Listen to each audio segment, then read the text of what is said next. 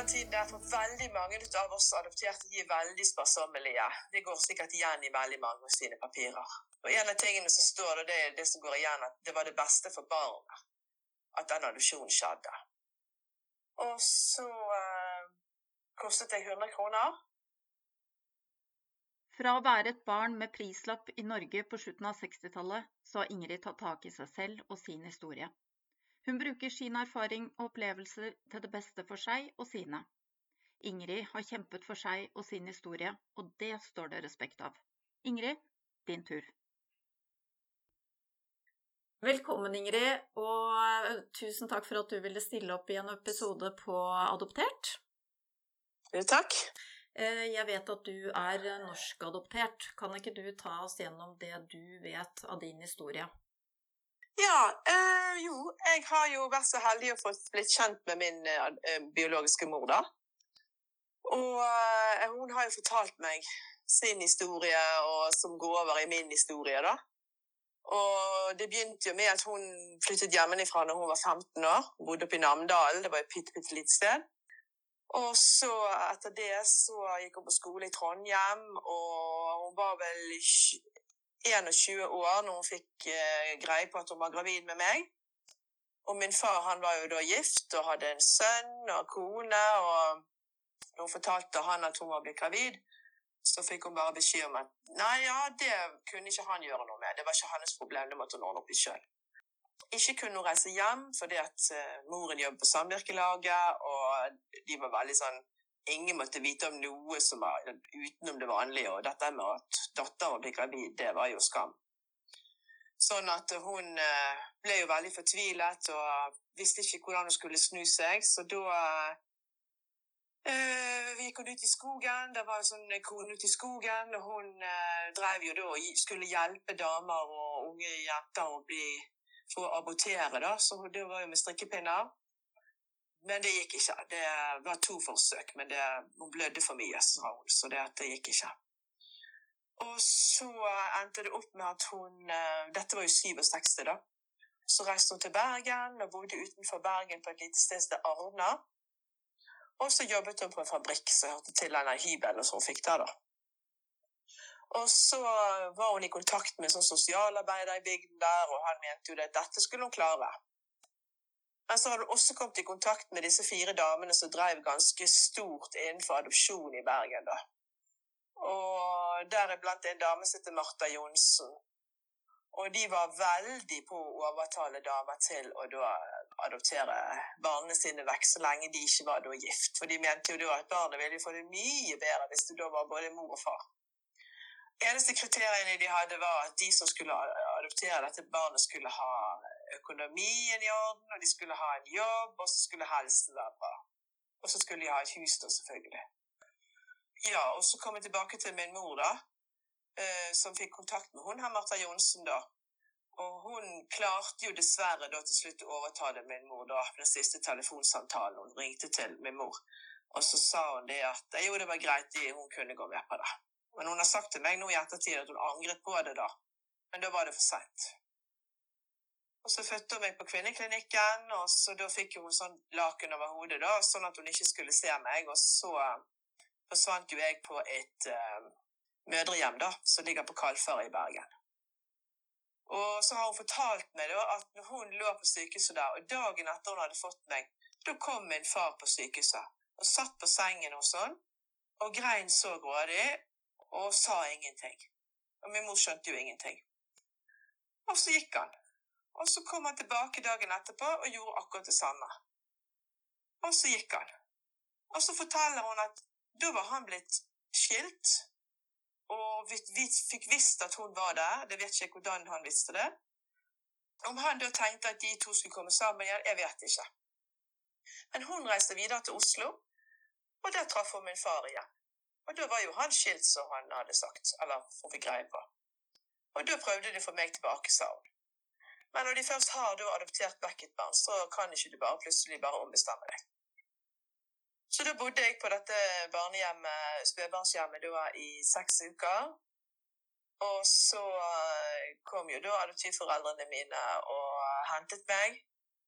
Og dette var jo da gjennom hun Martha Johnsen, som sto for adopsjonen. Og da har jeg sett på papirene mine nå i ettertid og bestilt de og fått de. Og papirene fra den tiden der for veldig mange av oss adopterte de er veldig sparsommelige. Det går sikkert igjen i veldig mange av sine papirer. Og en av tingene som står der, det er det som går igjen, at det var det beste for barnet at den adopsjonen skjedde. Og så Det var jo da disse her damene som fant ut at det var beste for barnet. Og så eh, kostet det 100 kroner. Så har jeg fått fødselsattesten min, og der er det min mor og min far. Altså min adopsjons, min adopsjons, mine adopsjonsforeldre som står som foreldre som har født meg. Og det irriterer meg. Jeg får ikke tak i, i fødselsattesten min hvor min mor sitt, min biologiske mor sitt navn står på. Men på adoptivpapirene mine, der står min biologiske mor sitt navn. Jeg husker aldri at min mor sa at hun var glad i meg. Det husker jeg ikke. Jeg føler vi var veldig sånn fasadebarn. Fordi at når ikke de kunne få barn sjøl, så var det veldig viktig å utad i verden og vise at du kunne få barn, og du hadde barn, og var liksom alt var i orden, da. Mor skulle være hjemme og stelle hus, og far skulle på jobb. Og etter hvert som årene gikk, da, så følte jeg meg mer og mer utenfor. Og jeg vet ikke hva det var jeg kunne sette ord på det. Visste nemlig ikke i hele min oppvekst at jeg var adoptert da. Det fikk ikke jeg greie på før jeg var 20. Så de hadde fått beskjed av hun her fantastiske Martha Johnsen at det var ikke så lurt å fortelle at vi var, vi var, vi var adopterte. Det var ikke nødvendig. Og min mor de lyttet jo og hørte og trodde at hun gjorde alt rett, hun av Martha Johnsen. Hun var jo en gud. Og jeg vokste opp der, og jeg ble mobbet på skolen i alle år. og Jeg følte ikke den tryggheten. Jeg kunne ikke gå hjem og si til mamma at uh, jeg ble mobbet. For det at jeg gjorde én gang, og da stilte hun på skolen og fortalte til den eleven som hadde mobbet meg, hvor skapet skulle stå. Og det, da fikk jo jeg ti ganger verre etterpå. Jeg ble veldig sånn, jeg måtte ta vare på meg sjøl og passe på meg sjøl. Jeg kom i tenårene, begynte å opponere, og da begynte min mor å like meg mindre og mindre. Og hun skulle ha kontroll. Og det hadde hun ikke med meg da, for jeg hadde jo mine egne meninger og var min egen person og prøvde så godt jeg kunne å få det igjennom. Og så ble det mer og mer uenigheter, og når jeg var 18-19 år, da fant jeg ut en dag at hvis jeg skal overleve dette galskapen her, så må jeg flytte. Bare, jeg må bare flytte. Og da flyttet jeg faktisk inn til en fyr som jeg hadde blitt kjent med tre uker før på byen. Så sa de, altså Jeg fortalte jo historien min til alle som gadd å høre på hvor fælt jeg hadde det hjemme. Og det var mye spetakkel, det var mye helvete. Min far drakk i hele min oppvekst. Min mor kjeftet som smelte og hylte og skrek. Og min far drakk, og det var jul, og det var påske og 17. mai, og det var bursdag, og det var gud vet når han ikke drakk. Til slutt så fant jeg ut jeg må bare ut fra den galskapen hvis jeg skal overleve. Og Da flyttet jeg ut, og så ringte jeg til han fyren og fikk flytte inn til han. Det var jo helt sinnssykt. På en liten, liten hybel inne i byen i Bergen. Så jobbet jeg i familiebedrift, og så var det en dag jeg var oppe og hadde lunsj hos min bestemor. Og så min mor hun beklaget veldig mye til min bestemor, da, sin mor, da. Hvordan jeg var, og hvordan jeg ikke var. og At det var så fælt å være en hund, liksom, i forhold til meg, da at jeg var stygg med henne og svarte henne og sånn. Og så sier min bestemor jeg skulle til å gå ned igjen fra lunsjen, så sier hun du må være snill med din mor, du vet jo det at du er adoptert. Nei, det visste jeg ikke. Så det var jo et slag i trynet. Mildt sagt. Og da følte bare hele verden bare at jeg bare levd på en løgn, da. Når jeg tenker tilbake nå også, så tenker jeg bare at fy faen. Her var det bare Altså, de bare fortalte meg at du bor her, dette er mamma og pappa, dette er din bror, dette er familien din. Og sånn er det bare. Og aldri tenkte at de skulle fortelle meg hvem jeg egentlig var. Jeg bare visste at jeg ikke var hørte til der på en måte. Sant? Jeg begynte å kalle meg sjøl for det svarte fåret. Og da var jeg ganske ung. Sant? Jeg var 12-13 år. Skjønte ikke hvorfor jeg følte meg mer og mer og mer, og mer utenfor. Og det sa jeg jo heller aldri høyt til de, for det var jo ingen som forsto det. Og det var aldri noen som sa noe i familien. Aldri noen som gikk inn og liksom sa at ja, men å ta vare på, på, på Ingrid, sant. Nei, det var det ikke. Så det var ingen som turde å snakke mor imot, for hun hadde veldig mye myndighet og utad. For utad var hun veldig hyggelig. Alle likte min mor. Så ble jeg kjent med Begynte å prøve å finne ut historien min, da.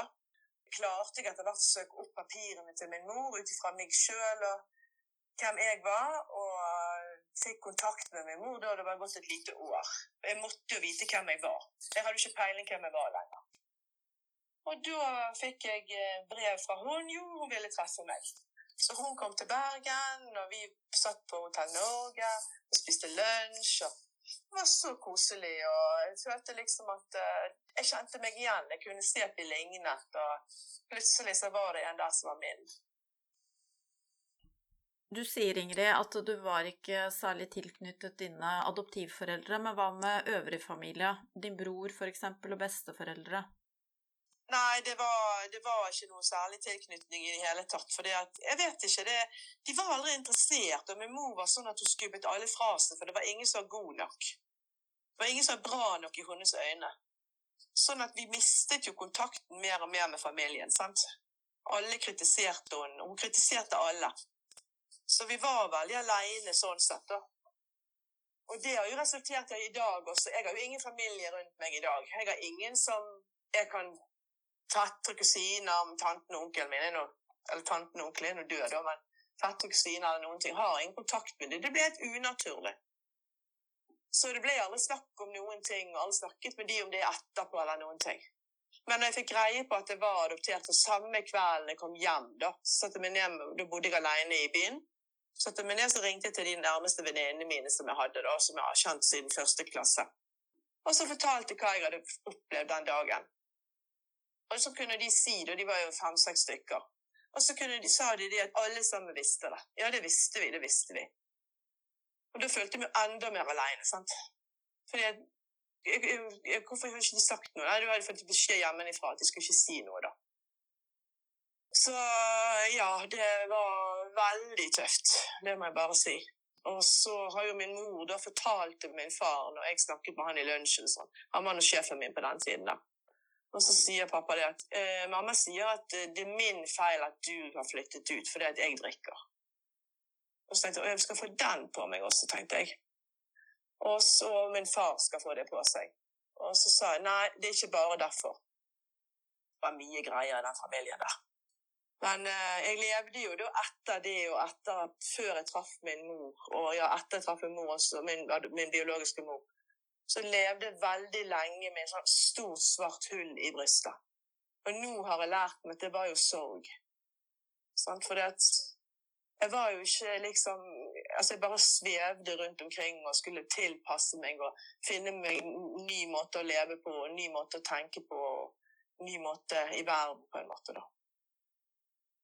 Hva har den eh, oppveksten gjort med deg i voksen alder, Ingrid? Jeg har gått igjennom det akkurat på skolen i dag, da, for vi jobber veldig mye med oss sjøl. Jeg går på ekeskole. Og akkurat i dag har jeg fortalt og snakket om hva det har gjort med meg, og hva jeg har jobbet meg igjennom i alle år. Og det har eh, vært eh, forferdelig tøft. Kunnskapen Jeg vet jo hva jeg har lært i dag, og altså, hjernen vår begynner å utvikle seg lenge før vi har blitt kommet ut av moren vår. Og det at min mor prøvde å abortere meg vekk, det har vært stress for meg inni meg. Så det endrer jo på utviklingen i barnet sin hjerne. Og så adopterte hun meg vekk. Det endrer også Det gir også stress til barnet. Å bo på barnehjem og bli tatt vekk fra moren din og bli plassert på barnehjem, det gir jo stress i barnet. Så når ikke du får møte moren din når du blir kommer ut av moren din og ikke få treffe moren din, som er det eneste ønsket og det viktigste for det barnet i hele, hele verden, eh, så går jo du over i en overlevelsesmodus som gjør at det blir stress da også. Og dette gjør jo også da innvirkning på utviklingen og eh, alle disse tingene som skal få connecting i hjernen din. sant? Så det har jo gjort at jeg har fått veldig vanskelig for å lære. Konsentrasjon, læring, sosialisering. ja, det for egne barn var grådig tøft å gå gjennom. og Jeg brukte hele 20-årene mine bare på å lure på om jeg skulle få barn. Nei, jeg kunne ikke få barn, for jeg kunne ikke ta vare på meg sjøl. Det har vært selvmordstanker, og jeg har vært sykemeldt. Jeg har vært så syk jeg har ikke klart å gå. Jeg lå i sengen i en måned. Da var jeg klarte ikke å gå på beina. Og jeg har vært så dårlig i hodet og verket så mye og psykisk syk og jeg vet ikke hva, Og spiseforstyrrelser hadde vel hele 20-årene. Og spiste omtrent ingenting. Så alt dette har jo vært da å si for å overleve. sant? Altså du, du, akkurat som du begynner å drikke alkohol, eller du, du trøster deg sjøl på en eller annen måte, eller prøver å overleve, sant? så går du inn i sånne avhengighets moduser. Sant? Så enten så spiser du ikke, eller så drikker du, eller så bruker du for mye penger, eller så et eller annet gjør du. sant? Så jeg eh, har jo da lot være å spise, og jeg har brukt altfor mye penger i mitt liv. Og veldig mye sykemeldt. Det gikk veldig mye med egen, mine egne tanker og elendighet, for å si det sånn. Og prøvd hele mitt voksne liv å finne svar på hvorfor jeg har hatt det som jeg har hatt det. Og det har ikke jeg funnet før nå de siste to årene. Og nå i dag så kan jeg si at uh, jeg begynner å jobbe meg opp og frem og kan stå med beina på jorden. Og jeg går på skole, og jeg har skaffet min egen arbeidsplass, og jeg har, på, har to jenter som er blitt store, og jeg har en mann som jeg har hatt siden jeg var 21. Så det er de faste holdepunktene mine, da. Men det har vært en jobb hele tiden. og Jeg har vært, gikk lenge på DPS-en. Da var vel jeg i 30-årene. Jeg gikk fire år på DPS-en. Og da lærte jeg meg til å tilgi min adoptivbror, da. For min egen skyld. Jeg sa jo ikke til hun da. Og jeg har stått i Og min adoptivbror han er jo da psykisk utviklingshemmet. Så når mamma begynte å få alzheimer, da, så måtte jeg jo få hun plassert etter hvert, så ikke hun skulle ta livet av min far. Så måtte jeg plassere min bror på tilsynsleilighet. Og så etter hvert måtte jeg få min far inn i tilsynsleilighet. Så måtte jeg selge huset hans og hjemmet vårt i barndomshjemmet. Og så måtte min bror få seg leilighet, for han fikset ikke å bo på tilsynsleilighet. Og så har jeg jo da sluttet jeg å gå til min mor på sykehjemmet. Da var det ett og et halvt år før hun døde. Da klarte jeg bare ikke mer. Da tenkte jeg bare, vet du hva, nå får hun bare dø. Og jeg orka ikke mer. Jeg var helt utslitt. Oppi dette sto jeg alene med to unger. Jeg hadde aldri noe støtte og hjelp med ungene. Så de er 18 og 21 i dag, da. Og jeg er 54. Men eh, jeg har stått igjennom alt, og jeg, hadde skulle, jeg sa det akkurat på den der, det som jeg skrev i dag. Jeg hadde skulle gjort i alle disse tingene en gang til, så hadde jeg aldri klart det. Jeg hadde nektet å gjøre det. Men jeg har kommet gjennom det, og jeg står på beina mine, og jeg har skaffa meg en ny fremtidig skole og det som jeg vil jobbe med. Og, ja. og har kvittet meg med alt som er negativt. og har kommet inn i adopsjonsfora eh, og sånne steder som jeg har kontakter, og uh, gitt meg masse. Og begynt å lære at jeg er nok med bare å være Ingrid og bli kjent med Ingrid etter hvert. da. Hun har ikke jeg kjent på vet ikke, 50 år. Så det har vært en lang kamp, for å si det mildt. Og bare fordi at eh, noen skulle velge å gjøre de tingene de gjorde, og tenke på den måten de skulle tenke, og at samfunnet var sånn som det var. Og det kan godt si det at ja, ja, men sånn var samfunnet den gangen. Det var skam at du ble gravid uten at du var gift, og det var sånn, det var sånn. Men det er liksom ikke unnskyldig for hva slags valg som ble tatt, og hvordan de drev med den adopsjonen, og at skammen ble så stor og utbredt i samfunnet. og hva det gjorde med oss. Og det er veldig bra at den kunnskapen kommer frem i dag, da. Hva det har gjort med oss. Og veldig, Det er en høyere statistikk. Statistikken er ganske høy innenfor uh, adopterte. Og da tenker jeg ikke bare innenlands, men utenlands også. Fordi at, ja Det er vanskelig å finne seg til rette, og når kunnskapen ikke er der om hva problemene er, og hva koblinger i hodet ditt som har gått skeis, og hvorfor du får tilknytningstraumer, og hvorfor traumene dine, hvorfor du får med deg alt disse vanskelige følelsene. Og hvorfor ikke du klarer å kjenne at du hører til. Og når, folk, når, barn vokser opp på den måten og ikke har et sted å gå og kan si at ja, men jeg føler ikke jeg hører til i den familien, Nei, men nå skal du høre, dette skal vi hjelpe deg med. Det er fordi at sånn og sånn.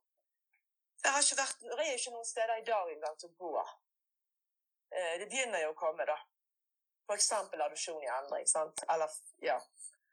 Så begynner det å komme steder de kan gå. sant? Men det er mange ungdommer som sliter veldig. fordi når du kommer i puberteten, så får du nye tanker og nye følelser. og Det kommer spørsmål om hvem er jeg, og hvor hører jeg til? Hvordan var det? Sant? Hvem er min mor, hvem er min far? Sant? For de som adopterte, som ikke vet. Og kanskje ikke kan finne dem. Jeg har jo vært heldig og funnet min mor og fått mange svar. Men savnet har jo alltid vært der. Og det blir jo veldig trist. Og det blir jo noe som mangler. Du blir, vokser ikke opp med å bli speilet av din mor. sant? Det er jo der vi lærer oss det sosiale. Når du vokser opp, så er det da du lærer deg hvordan du skal være i samfunnet. Det er jo der det begynner. Det begynner med moren din. Det er jo den første store kjærligheten din i livet. Det er moren din. Og det er der det skal begynne med hvordan du skal være i verden. Og når du blir røvet ifra deg det, så er det du sjøl som må overleve i deg sjøl. Når du er spedbarn og nyfødt og skal da gå inn og ta vare på deg sjøl, så kan jo ganske mange tenke seg at det er helt jævlig for det lille barnet. Og så blir du tatt ifra moren din, og så blir du satt på barnehjem. Jo, det er det mange forskjellige som kommer og passer på deg. Og da blir ikke du sittende på fanget til enhver tid. Da blir du lagt ned og satt vekk så lenge ikke du skal ha bleie eller mat. Og så, så er det den der skrikingen. Jeg hater å høre barneskrik i dag, for eksempel. Jeg klarer det ikke. Bare liksom gi den maten noe. Gi, gi den ungen noe mat eller et eller annet, tenker jeg hvis jeg hører en som skriker. Så liksom når du har eh, kanskje funnet deg kanskje litt rett etter de seks ukene, ja, da kommer det noen som sier 'nå er dette mamma og pappa'. Og dette er din bror. Og så skal du vende deg om, så skal du tilvenne deg det. Alt dette skal du gjøre sjøl. Du er bare et halvt år gammel. Det sier jo veldig mye om at det må sette spor. Det må lage noe som vil komme frem før eller siden. Og det er jo det det gjør. sant? Og så velger jo du hvilken modus du går inn når du blir tatt fra moren din. sant? Oi, her er mamma. Og så du, er det stressmoment, og så går du inn i denne freeze, fight og flight. Det velger jo da barnet når det kommer ut. Hvor skal jeg ligge med henne? Hva er personligheten min? Hvor, hvor svak eller hvor sterk er du? Hvor mye vil du fighte? Eller vil du bare bli helt rolig og bare fryse? Bli et stille barn sånn? som bare følger med og gjør det som du håper kan holde deg i live på en eller annen måte. Og det setter spor for resten av livet. Ja, det, jeg syns det er sykt sterkt. Og det er så urettferdig at, ja, at, at, at vi blir satt i sånne, sånne, sånne spor som så det der. og bli norskadoptert, så kunne du bare gjemmes vekk, og du trengte ikke å si det høyt at du var adoptert. for det, det var jo bare sånn, altså, vi, vi, kunne jo, vi lignet jo på de som vi kom til, sant? Vi lignet jo på nabobarna og de andre i gaten, og vi trengte ikke å si noe. Det var bare alle andre som hvisket i krokene. 'Hun der borte, hun er adoptert.' Eller 'Han nede i gaten', eller 'Hun i klassen er adoptert'. Å ja. Men den det gjaldt, visste det jo ikke nødvendigvis. Så for meg har jo det vært formet hele livet mitt uten at jeg har visst hva det innebar. Før nå. Du var voksen, Ingrid, når du traff eh, biologisk mor. Hvor gammel var du egentlig? 21. Har du et ålreit forhold til henne i dag? Ja da. Nå er hun på sykehjem. Og det, det, er veldig trist å se henne nå, da, for eh, hun er på vei inn og får demens. da. Men hun, eh, vi har hatt et kjempegodt forhold hele tiden, og hun har vært veldig, reist til Oslo hvert år. Og vi har hatt masse kjekt og vært i ferie der og vært med familien og bodd i leiligheten og fått lånt leiligheten hvis de var på ferie. og Vi har gjort masse gøy i Oslo og tatt meg med på masse. og ja, Vi har hatt det veldig fint, egentlig. Så har jeg en biologisk søster som min mor, min mor og min far fikk to år etter at de, fikk, de kom sammen igjen. Og hun har vært sånn av og på. Nå har jeg ingen kontakt med hun. Og så har jeg møtt halvbroren min til min far, men han har heller ikke kontakt med. For de er liksom, jeg vet ikke, men de føler på en måte at jeg har vært for mye for dem. Det er sånn jeg har tolket det, da. Uten at jeg skal si det sikkert. Men de vil ikke ha noe kontakt med meg. I dag, da. Tenker du, Ingrid, at det er en stor forskjell på det å være norskadoptert kontra det å være utenlandsadoptert? Ja, altså Forskjellen, sånn som jeg ser det, følelsene er veldig mye de samme. Jeg har jo snakket med masse utenlandsadopterte, og følelsene, savnet og sorgen og ønsket om å treffe mor og Jeg sier ikke alle under alle de ønskene, men jeg føler på en måte at alle de tingene er der. sant? At mange har den, den, den savnet og, og de følelsene som er vanskelige. Men vi kunne gjemmes vekk. Vi trengte ikke å vise. sant? Mens de utenlandsadopterte de vil jo bli sett og bli oppleve verden på en annen måte, da. Sant? Føler jeg, da. At de, og mange kan jo ha vanskeligheter med å vite at 'jeg kan ikke finne moren min'. Jeg, det er ikke vits å begynne å leite engang. Og det er jo en sorg, tenker jeg. Og mange har sikkert fått visst at ja, men hvis ikke jeg hadde blitt adoptert der som jeg ble født, så hadde jeg ikke levd i dag. Så, så det blir helt andre aspekter, kan du si, fra starten av. da, sant? Og begynnelsen av oppveksten.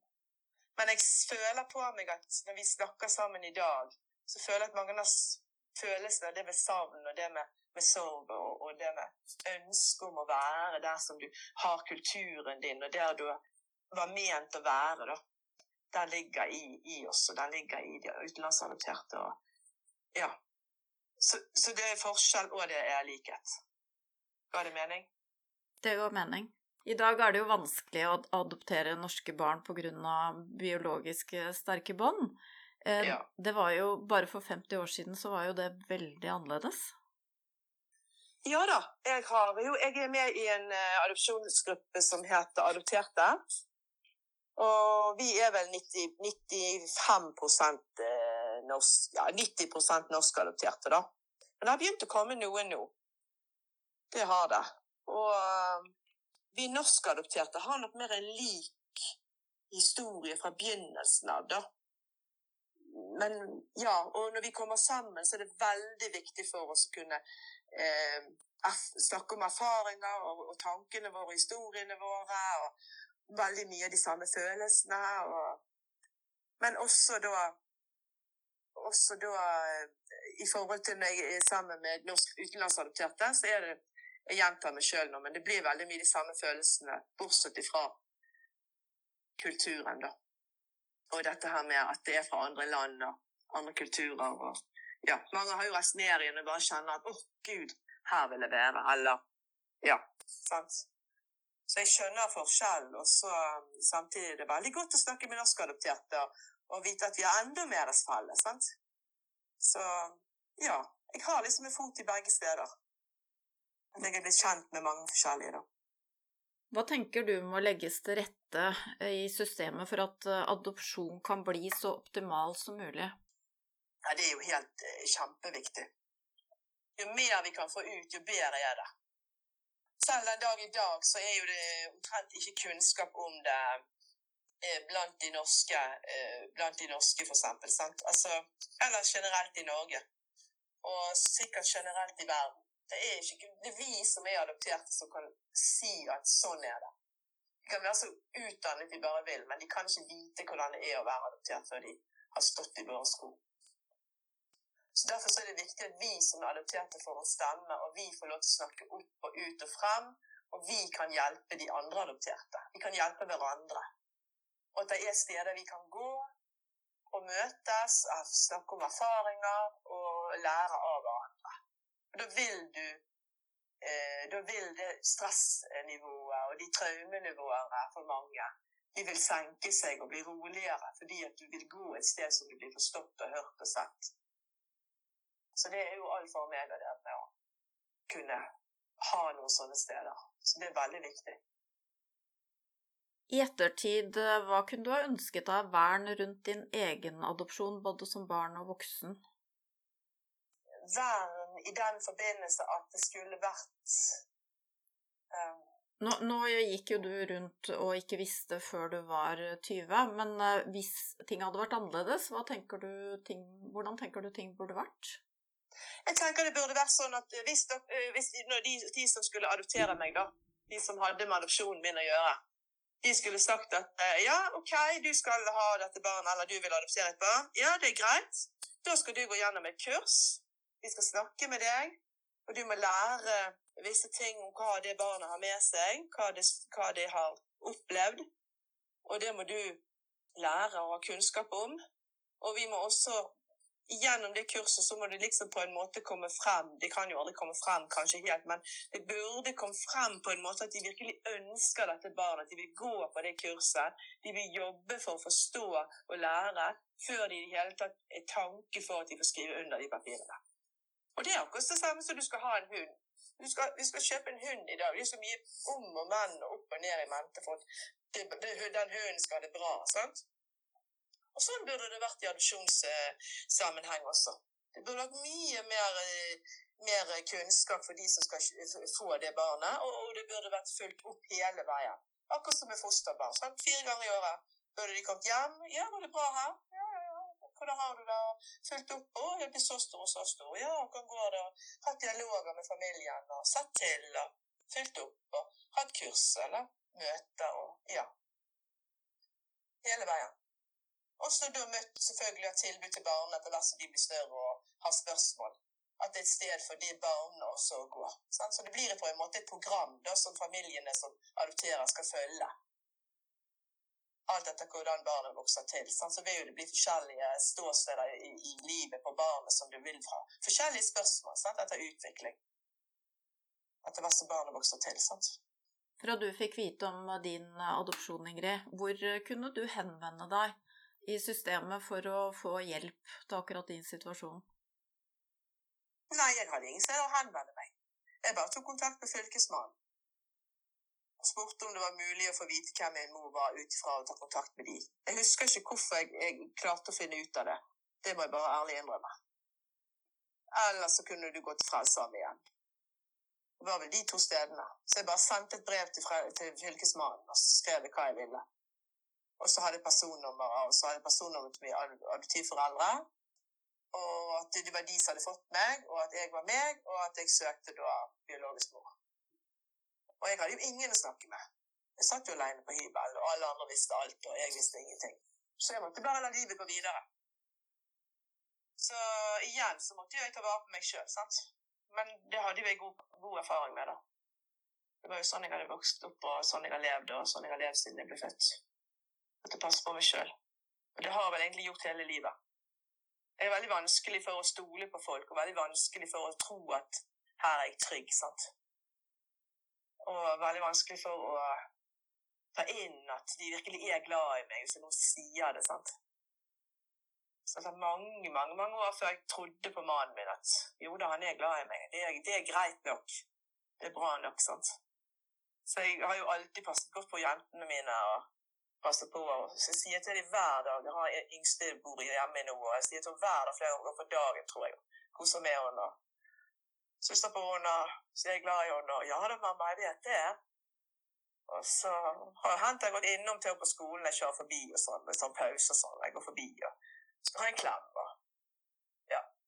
Så jeg er nå bare sånn. Og i stedet snakket jeg med datteren min og innom butikken hennes nå da jeg var på senteret her. og måtte gi henne en klem. og si hei. Ja. ja. Så det er liksom det viktigste jeg har i livet. Du sier at du har, du har jo slitt opp gjennom årene. Er det noe i helsevesenet du har opplevd som har tatt hensyn til at du har vært eh, adoptert? Nei, det kan jeg si med hånden på hjertet. Aldri.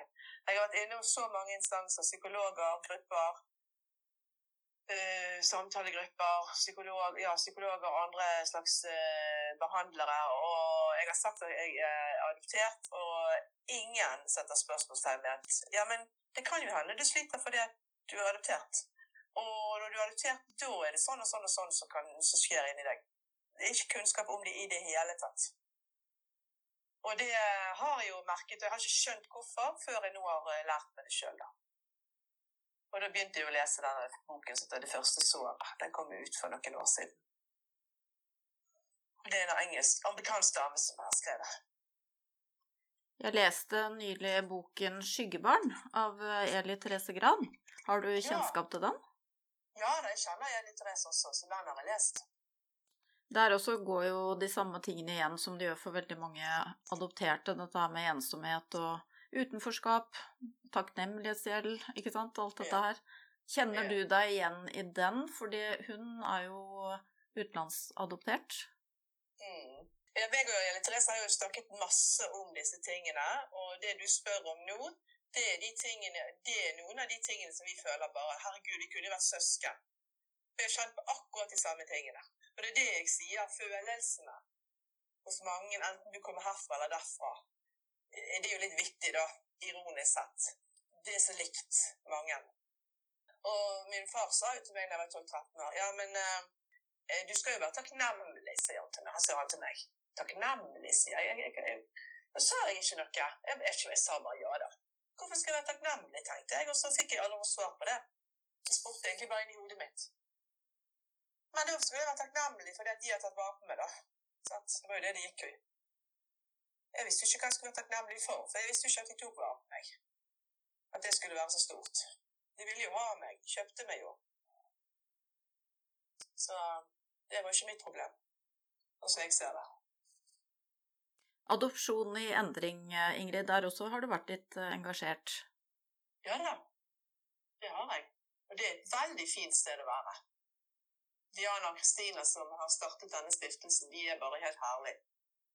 Så vi har hatt masse samtaler, og de jobber, og det er så fint det de gjør. og det å ha et sted som du bare kan ringe og prate, og de har masse erfaring. og Nei, de er bare helt skjønt. Så det har hjulpet meg masse, da. Med å forstå ting bedre. Det har det. Så det er kjempefint. Så all ære til det som de driver med. og ja. Jeg har jo også som adoptivmor prøvd å spore opp steder å henvende meg til, men det har jo ikke vært så lett. Eh, og så fikk jeg jo greie på at eh, etteradopsjon.no blir jo nå, så nå avviklet etter jul. Hva tenker du om Mm. det? Nei, Det syns jeg er veldig trist å høre. Tror jeg har hørt det en gang før. Jo, jeg hørte det nå når jeg, eh, jeg var i Oslo. Men, eh, men eh, det, det syns jeg er veldig trist å høre, for det, det er virkelig noe som hadde trengtes. I større grad enn det det var. Sånn som jeg forsto det, så var det bare én dame som hadde det der. Ja, jeg, kan ikke, jeg kan ikke fatte og begripe at det ikke er et større Men det, det sier jo alt om kunnskapen, sant? Det sier jo alt. Det var jo en dame, norsk adoptert, som fant ut at hun var, var gravid Eller. Adoptert når hun var over 50 år. Spurte hun en tante stemmer det at jeg er adoptert. Ja, det stemmer. Og så tok hun kontakt med jeg vet ikke Familiedirektoratet. Og så sendte hun en mail og sier hun hvorfor, eh, hvorfor eh, snakkes det ikke mer om adopsjon, og hvorfor er det ikke mer fremme? Hun fortalte sin historie, da. Og så sier de, svarer de det at nei, nå er adopsjonspolitikken, eller måten det drives i dag da, med adopsjon i Norge, er så bra at det ikke er nødvendig å gå tilbake og, og grave i det gamle dritt. Så vi som da adoptere tilbake i tid, det er ikke nødvendig å snakke om vår adopsjon og hva vi står i, for det er så bra i dag. Og så det er liksom eh, eh, Hva slags verden lever vi i, sant? Når du får et sånt svar. De har ikke peiling på hva det vil si. Derfor jeg sier de må snakke med de som er adopterte. Vi som har stått i det og står i det, vi som lever med det. Det er vi som må få en stemme, og det har vi ikke. I hvert fall i veldig liten grad. Det er jo så oppe i dagen nå granskning av utenlandsadopterte. Burde det også vært på norske? Å ja, absolutt. Alt, alt det som har vært, det burde virkelig kommet opp. Og det er mange som sier det, og det sa jo Diana fra Adopsjon i endring også. Det var en 16 år gammel gutt som kom bort når vi, på, når vi var på den eh, lanseringen til den stiftelsen til Adopsjon i endring. Og da var det en gutt på 16 år som sier det igjen. Jeg visste ingenting om, den norske, norske han sa han. Jeg hadde ikke peiling. Og det var det han hang seg opp i. Og det var flere som sa til meg, for jeg representerte jo da de norske adopterte i den åpningen. Og jeg fortalte nå litt om min historie, da. Og det var så mange som sa dette visste vi ingenting om. Så det at de som er adoptert i Norge, norskadopterte, og de som er litt eldre enn meg, de snakker ikke om det heller. For det er skam å nevne det høyt. Så når vi snakker høyt om adopsjon i rom, selv med venner, bekjente, eh, hvor vi måtte snakke om det, så blir folk litt sånn Å, ja, OK. Jeg vil snakke om noe annet.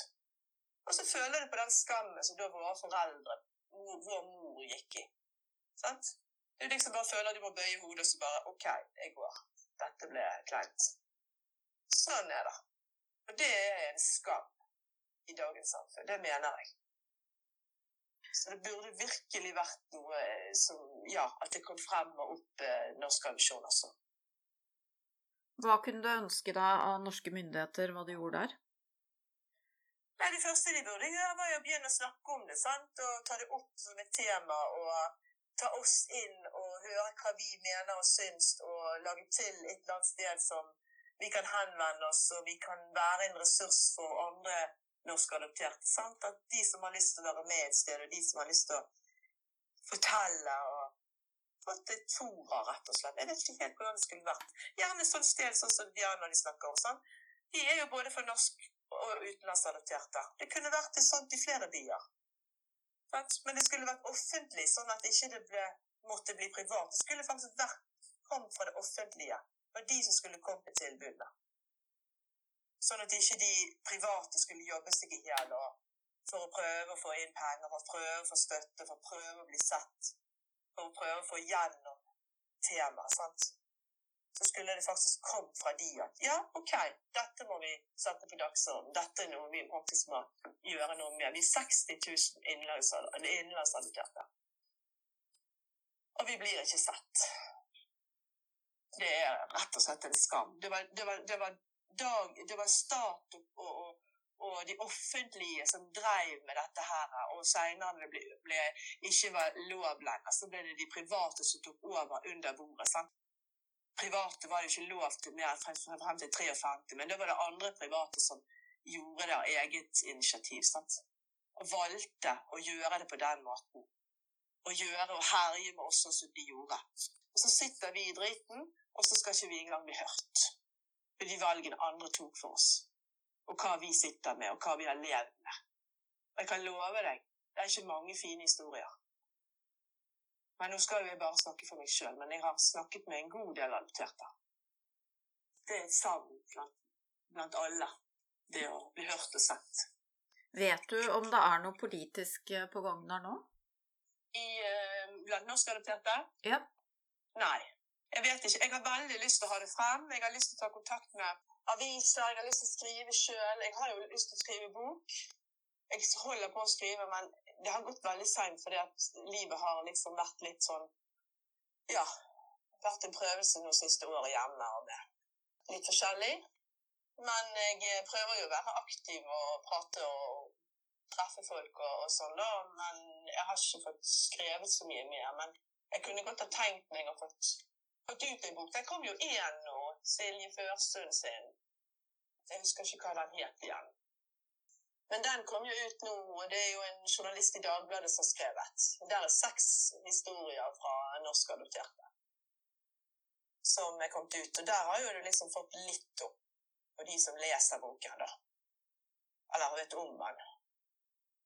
Den het jo godt bevar, En godt bevart hemmelighet. For det er jo det vi er. Vi er godt bevarte hemmeligheter. Ingen skal vite om oss. Ja, jeg kjenner på at jeg blir veldig sånn engasjert nå, men jeg er veldig engasjert i dette. Det er noe som virkelig jeg brenner for. Skal over til litt annet, eh, Ingrid. Du sier du går EQ-skole. Hva er en EQ-skole? EQ-skole det er emosjonell eh, terapi. Emosjonell terapeut. Så det går på det emosjonelle. Sant? Og det kunne vi godt tatt mer ut av i samfunnet. Det er vi heller litt for lite ut av. Vi blir eh, godkjent i helsevesenet da, som terapeuter når vi er ferdig med tre år. I dag var jeg ferdig med første året. Gratulerer. Jo, takk. Så derfor hadde vi en sånn innlevering da, på en sånn oppgave som vi skulle svare på. Og skrive om oss sjøl og hva vi har gjort og gått igjennom. Alle har jo sin historie. Så, men det med emosjonell terapi og emosjonell kunnskap, da, det burde jo vært mye mer fremme. Det syns jeg er veldig viktig. Det har hjulpet meg da, til å forstå mer, og det å lære seg til å stå i sin egen Stå i sin egen historie og stå for sine egne Altså, jeg lærer meg til å ta vare på meg sjøl og se meg sjøl og forstå meg sjøl. vi går inn og kjenner etter og lærer å bli kjent med den lille, den lille inni oss som ligger sitter inni der og aldri blir sett og hørt. For de som har da traumer, eller de som har opplevd ting som er vanskelig, og de som har gjerne slitt fra de var liten, de som har problemer i forhold til at foreldrene har gjort det vanskelig på barna sine opp igjen og sånn. Vi sitter jo der med den lille Ingrid og den lille jenten, den lille gutten inni oss som ikke fikk det den trengte da den var liten. Sånn som i mitt tilfelle. Og så lenge den ikke får bli healet, så vil ikke du som voksen få det bra med deg sjøl. Og hvis du kan ta, lære deg til å ta vare på lille Ingrid inni deg og ta den med deg videre og la hun få fred og la hun få bli sett og hørt, og la hun få komme til og, og bli, bli healet, så får du det mye bedre med deg sjøl og får et bedre liv videre fremover. Kan stå trygt i deg sjøl selv, selv om det koker rundt deg.